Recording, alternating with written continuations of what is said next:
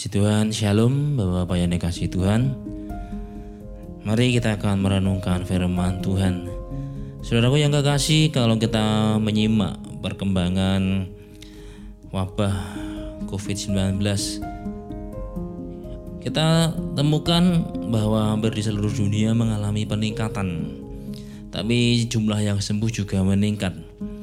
Nah, seluruh dikasih Tuhan di Indonesia saja sudah menembus angka 9.700 lebih dan di seluruh dunia sudah ada kasus di atas 3 juta. Menghadapi keadaan seperti ini orang bisa menjadi takut, khawatir, jadi bingung.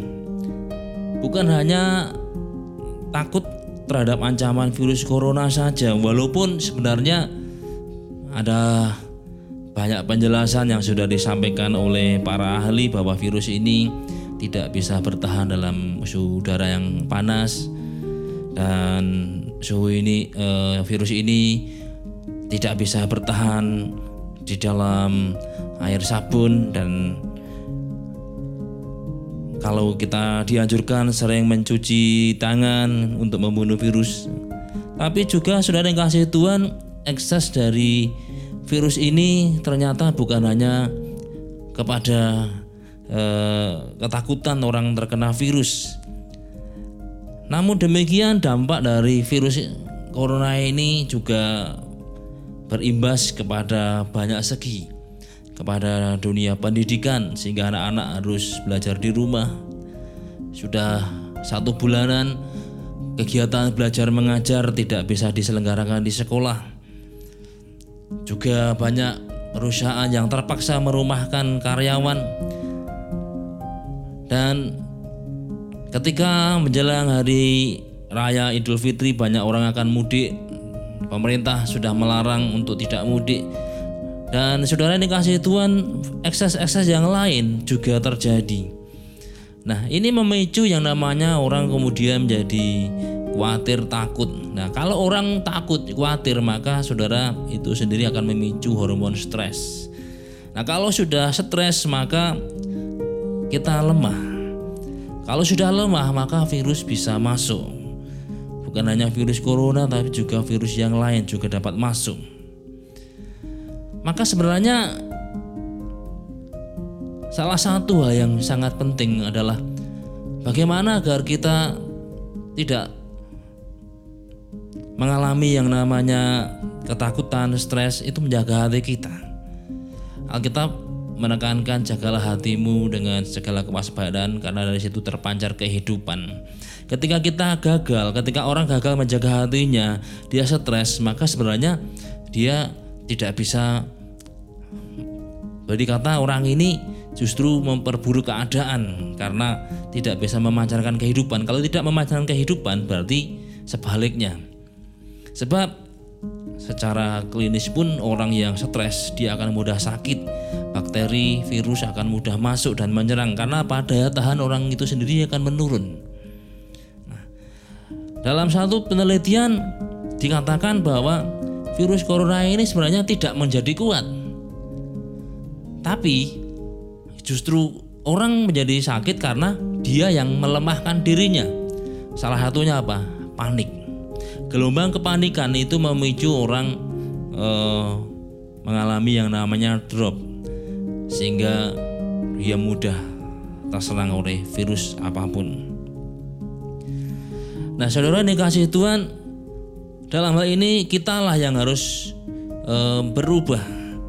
Kita ini punya potensi untuk beradaptasi. Kita ini diciptakan punya potensi untuk menyesuaikan. Dalam hal apa pun sebenarnya manusia bisa menyesuaikan diri. Ketika keadaan memaksa untuk tidak bekerja di perusahaan karena harus diliburkan atau di tempat lain, maka muncullah istilah work from home. Orang bisa menyesuaikan diri. Nah, sebenarnya ini jadi satu potensi. Dan satu salah satu yang menjadi pertanyaan adalah dalam kondisi yang seperti ini, apakah Tuhan dan rencananya sudah berubah? Kita sudah berdoa sekian waktu kenapa belum terjadi satu perubahan? Seolah-olah Tuhan diam. Mari kita akan melihat apa yang Alkitab katakan. Dan saya percaya apa yang Alkitab katakan itu akan membawa kepada kita yang namanya ketenangan. Dan ketika kita tenang, fresh, imun kita itu juga akan akan terjaga. Mari kita membaca apa yang Alkitab katakan dalam kitab Yeremia pasal 29 ayat yang ke-11. Kitab Nabi Yeremia pasal 29 ayat ke-11.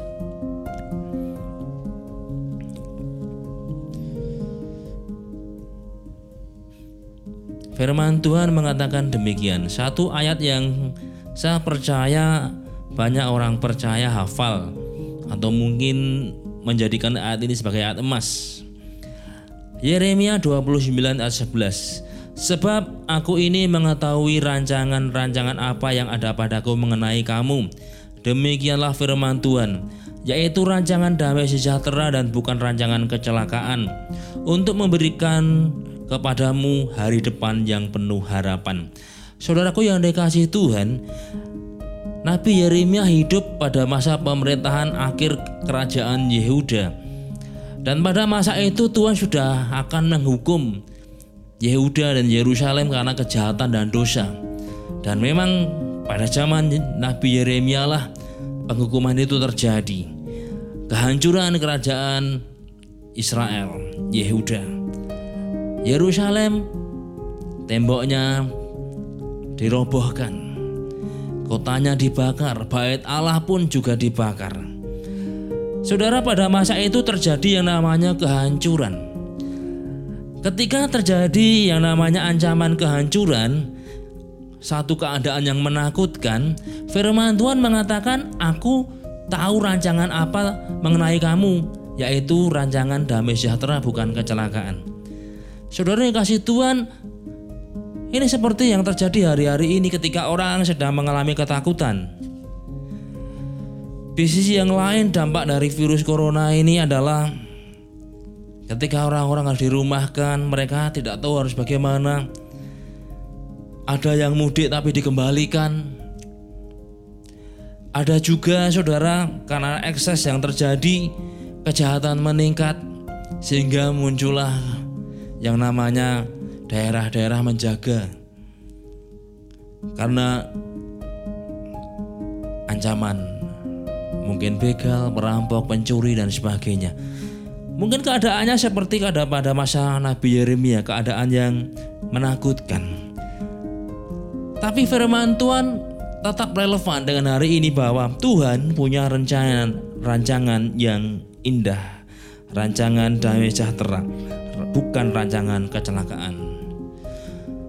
Mungkin kita berkata, "Loh, hari ini kita sedang alami seperti ini. Apakah ini masih berlaku?"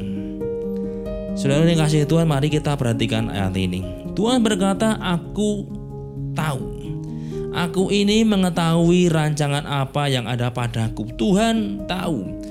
Tuhan mengetahui rancangan yang Tuhan sudah bikin tentang kita. Maka apa pun keadaan kita hari ini, sebenarnya Tuhan tahu. Ketika virus corona ini boleh dikatakan merajalela dan satu hal yang kalau kita perhatikan secara geografis bahwa kota-kota atau daerah yang mengalami eh, kasus corona sangat tinggi atau boleh kata kasus yang tinggi itu ternyata ada beberapa daerah ada Wuhan, New York, Italia dan kalau itu ditarik garis tuh itu ternyata sejajar satu lintang. Jadi boleh dikata orang kemudian menyebut itu sebagai sabuk corona. Kenapa? Itu satu garis dengan suhu yang sama. Satu penelitian menunjukkan bahwa ternyata virus corona ini dapat bertumbuh atau dapat eksis dalam suhu yang dingin. Tapi di suhu yang tinggi, virus ini tidak bisa bertahan. Di daerah tropis misalkan.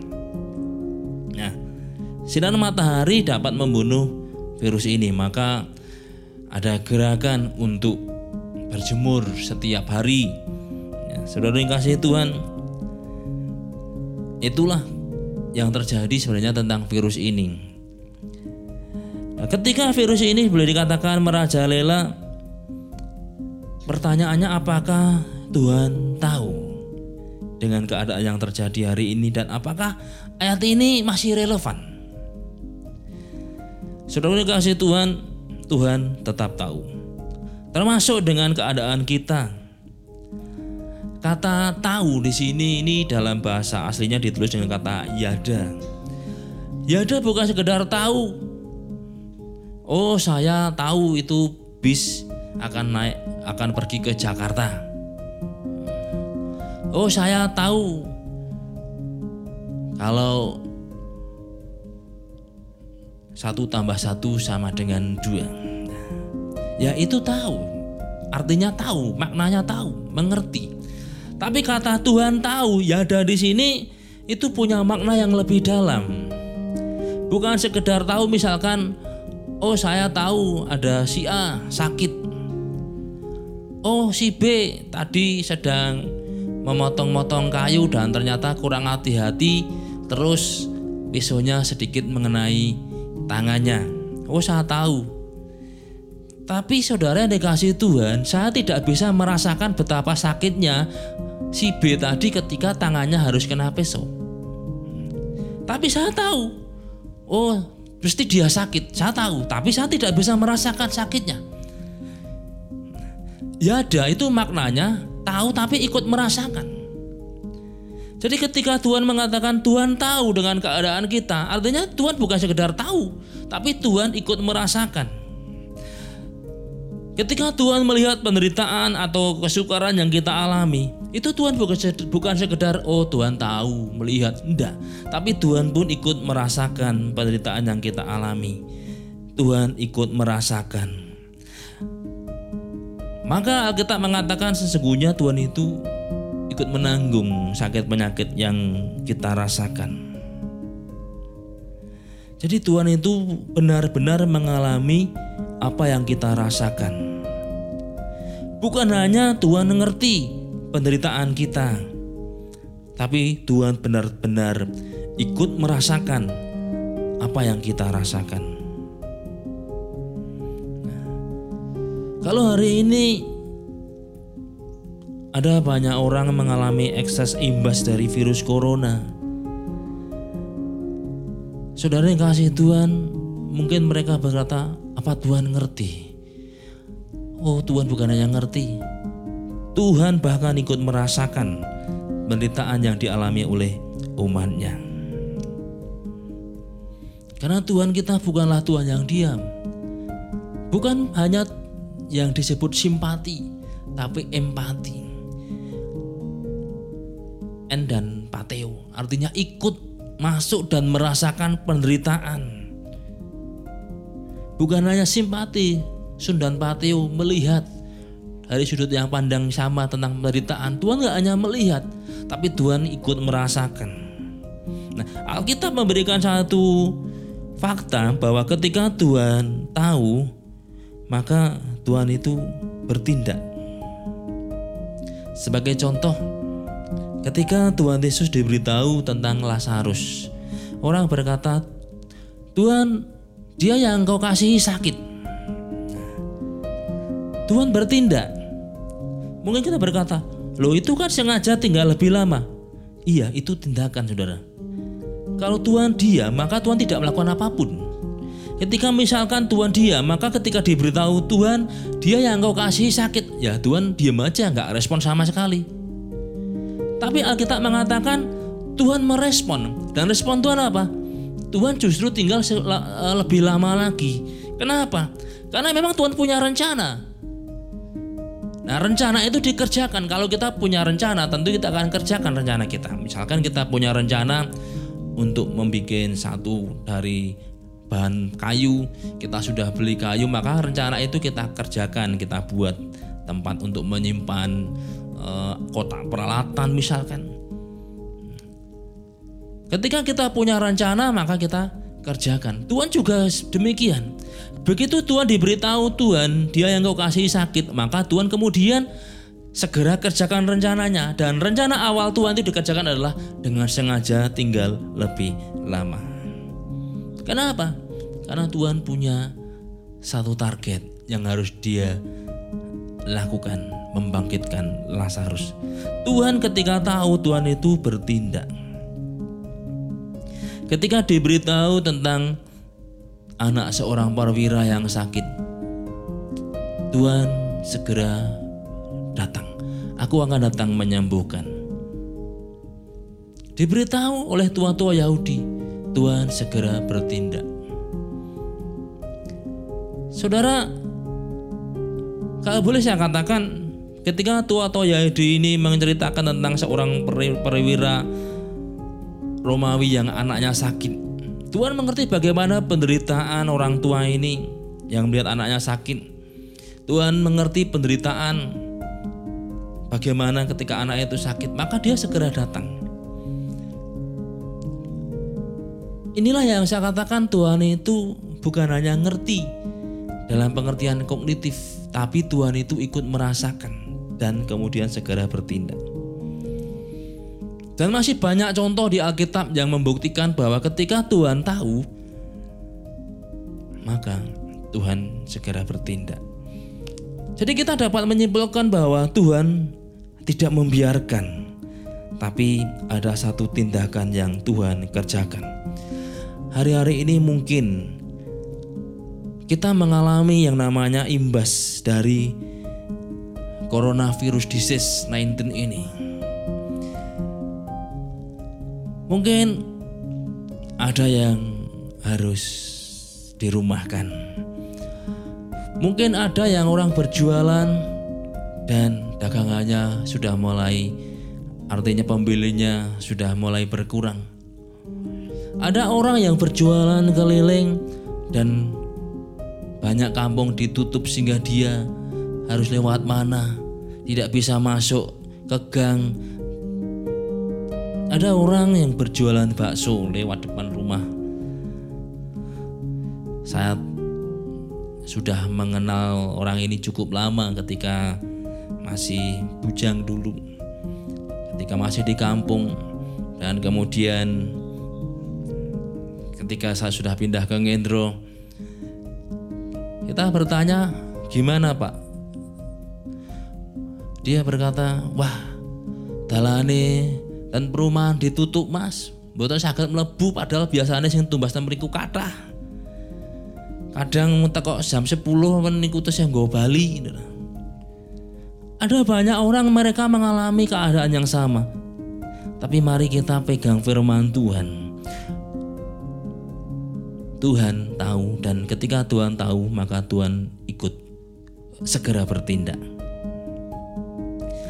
Nah, kebenaran yang kedua tentang Tuhan tahu ini adalah ketika Tuhan tahu, maka Tuhan itu juga kemudian memberitahukan. Tuhan itu tidak menyimpan sendiri, dirahasiakan, tapi Tuhan memberitahukan apa yang akan menjadi rencananya bagi kita. Ketika Tuhan tahu dosa Sodom dan Gomora, maka Tuhan memberitahukan apa yang direncanakan terhadap Sodom dan Gomora kepada Abraham. Sudah dikasih Tuhan, konsep yada itu adalah hubungan yang kuat. Satu keintiman.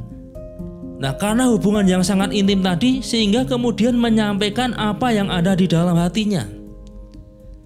Itulah yada. Nah, Tuhan kita juga demikian. Ketika hidup kita ada di dalam keintiman ilahi dengan Tuhan, maka Tuhan itu akan menyampaikan apa yang ada di dalam hatinya, termasuk rencananya. Abraham punya kehidupan yang erat dengan Tuhan. Nah, ketika Tuhan akan menghancurkan Sodom dan Gomora, maka Tuhan sampaikan itu pada Abraham. Ia ada itu menaruhkan apa yang ada di dalam hatinya kepada orang yang dekat dengannya. Jadi tahu di sini juga kemudian punya makna memberitahukan apa yang di dalam hatinya. Itulah yada. Sebab secara literal yada ini sebenarnya gambaran seorang suami dan istri yang sangat erat tidak ada batasan apa pun. Sehingga apa yang ada dalam hatinya pun disampaikan. Nah, ketika Tuhan ada dalam kita dan kita di dalam Tuhan, maka Tuhan itu akan menaruh apa yang dalam hatinya kepada kita, termasuk rencananya. Nah, sudah dikasih Tuhan dalam masa pandemi COVID-19 ini, saya percaya Tuhan tidak diam. Tuhan pasti bertindak Tuhan pasti akan lakukan sesuatu dan Tuhan taruhkan itu di hati. Kita dapat bertindak sesuai dengan hikmat Tuhan untuk menolong kita. Kita belajar untuk diam dan tenang. Dan di situ Tuhan akan menaruhkan apa yang mesti kita kerjakan. Karena Tuhan ngerti Tuhan tahu apa yang harus dilakukan untuk menolong kita. Nah, dalam keintiman itulah Tuhan akan taruhkan itu. Tuhan tidak diam. Jadi kalau ada orang berkata atau bertanya, apakah Tuhan masih mengontrol segalanya? Masih. Dan Tuhan tahu dan Tuhan menaruhkan apa yang di hatinya di dalam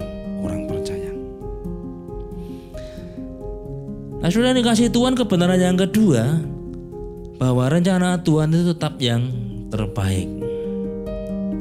Saudaraku berbicara tentang rancangan, maka sebenarnya itu juga berbicara tentang keputusan. Berbicara tentang rencana Tuhan, maka itu juga berbicara tentang keputusan Tuhan. Kata rancangan dalam bahasa Ibrani kasab itu ternyata punya makna yang luas.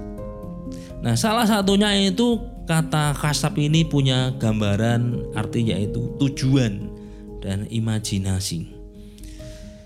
Tuhan punya tujuan yang baik bagi kita untuk memberikan yang namanya damai sejahtera.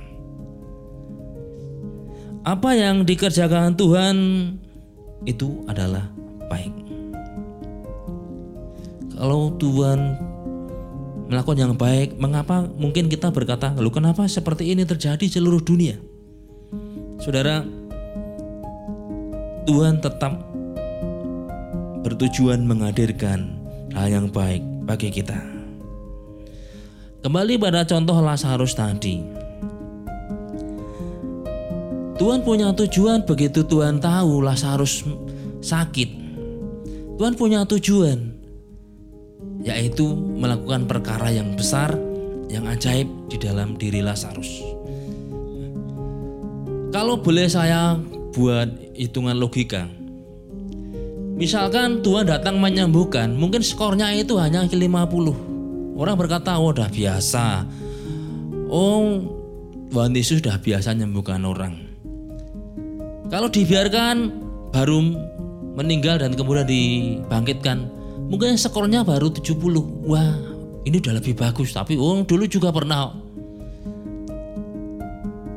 Dan orang yang masih percaya dengan mitos Yudaisme yang mempercayai bahwa tiga hari arwah itu masih ada di dalam dekat orang itu sehingga bisa dipanggil orang berkata oh bisa aja belum tiga hari. Tapi Tuhan punya tujuan yang lebih tinggi tunggu sampai empat hari meninggal.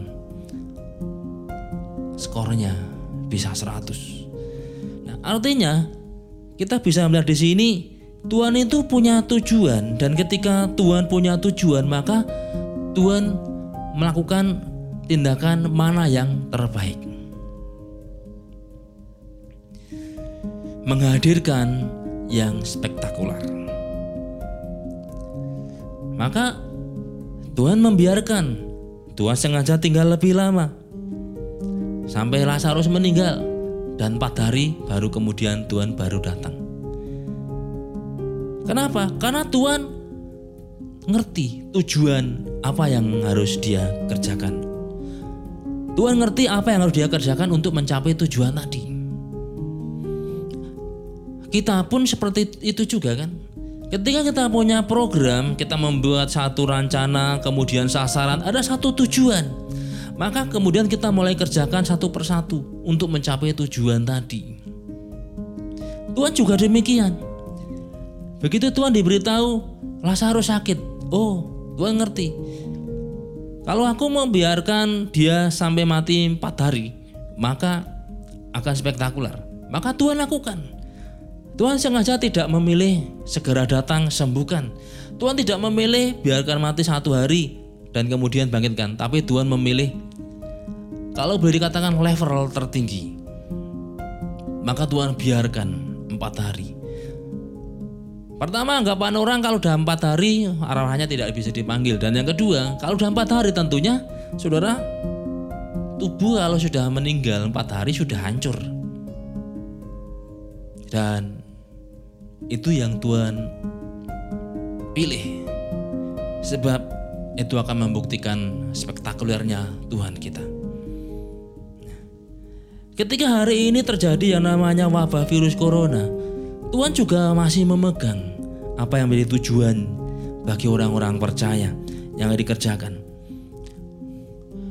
Kalau ada orang berpikir, apakah tujuan Tuhan berubah? Tidak. Tuhan tidak mengubah tujuannya.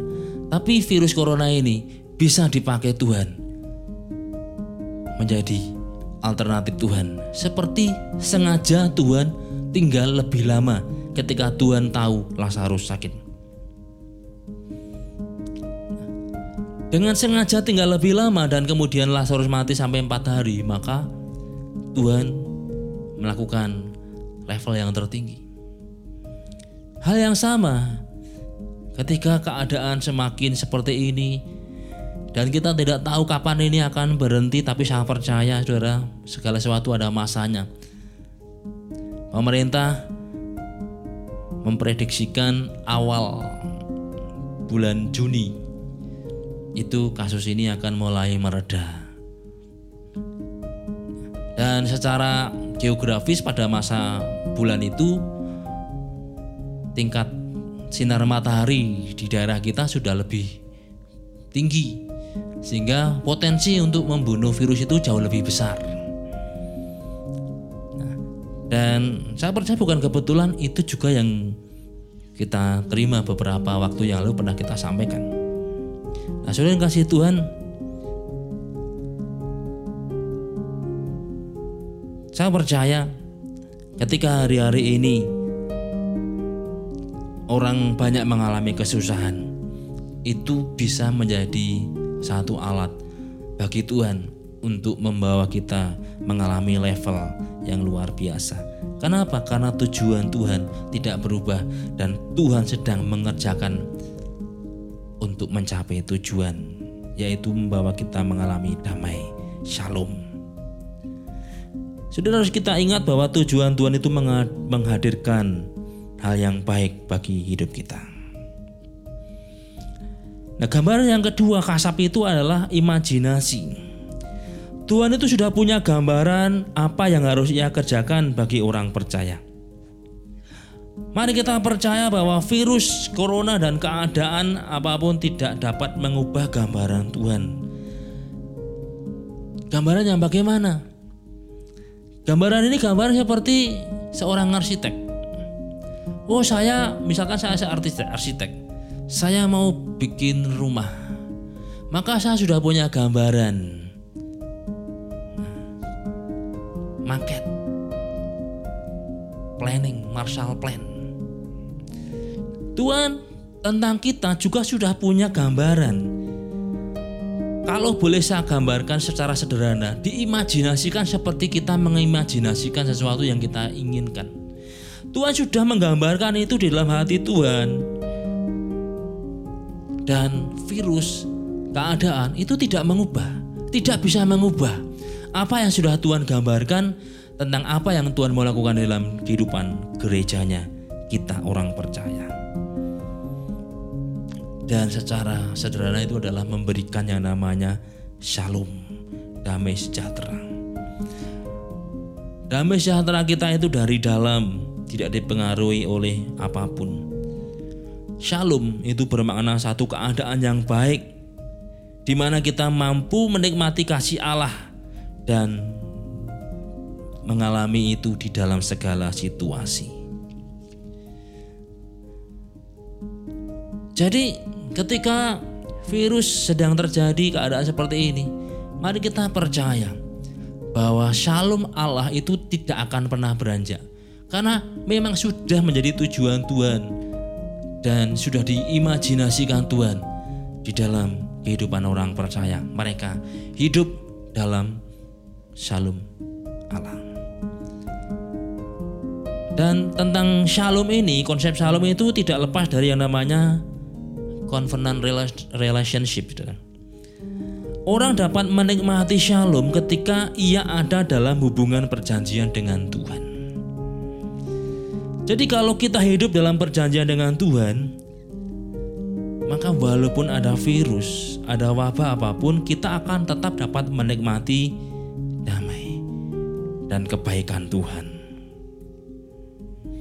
Nah, orang yang damai, orang yang tenang, imunnya itu akan kuat sehingga dia bisa sehat. Alkitab mengatakan hati yang gembira adalah obat yang manjur. Jadi boleh dikatakan wabah virus tidak mengubah rencana Tuhan bagi gerejanya. Nah yang terakhir bahwa segala sesuatu dapat dipakai untuk kebaikan. Kalau hari ini dunia dilanda wabah, mari kita ingat, Tuhan bisa memakai apa pun untuk kebaikan kita. Saudaraku yang dikasih Tuhan, ingat bahwa konsepnya itu adalah ketika kita ada di dalam yang namanya covenant relationship, maka apa pun itu tidak bisa memisahkan kita dari Tuhan. Nah, Rasul Paulus menegaskan, baik pedang, aniaya, bahaya, ancaman. Nah, hari ini mungkin yang namanya bahaya dan ancaman itu sedang terjadi, baik oleh virus ataupun oleh keadaan karena orang-orang yang tidak bertanggung jawab, penjahat dan sebagainya. Tapi ingat itu tidak bisa memisahkan kita dari kasih Allah. Artinya, apa pun yang terjadi, kasih Allah itu akan tetap dapat kita nikmati selama kita hidup dalam yang namanya covenant relationship. Bahkan itu dapat dipakai Tuhan untuk membawa kita mengalami kemuliaan. Ayat 14 mengatakan demikian. Dikatakan bahwa Aku akan memberi kamu menemukan aku, demikianlah firman Tuhan, dan aku akan memulihkan keadaanmu, dan seterusnya. Ketika kita hidup dalam yang namanya covenant relationship, mungkin hari ini kita mengalami imbas virus ini, tapi percayalah bahwa Tuhan akan memulihkan keadaan kita. Itu rencana Tuhan. Jadi kalau ditanya, Apakah virus ini dan keadaan mengubah rencana Tuhan bagi gerejanya? Jawabnya tidak. Karena Tuhan kita nggak pernah berubah. Justru Tuhan bisa memakai ini untuk memurnikan gerejanya sehingga pemulihan dapat terjadi dialami oleh orang-orang percaya. Ketika anak Tuhan hidup dalam namanya covenant relationship, maka saudara kasih Tuhan shalom dari Allah itu akan ada dalam hidup orang percaya kebaikan kasih penyertaan perlindungan pertolongan dari Tuhan itu pasti ada dalam kehidupan orang-orang percaya. Nah, puji Tuhan bila firman Tuhan ini jadi berkat bagi setiap kita. Tuhan Yesus memberkati.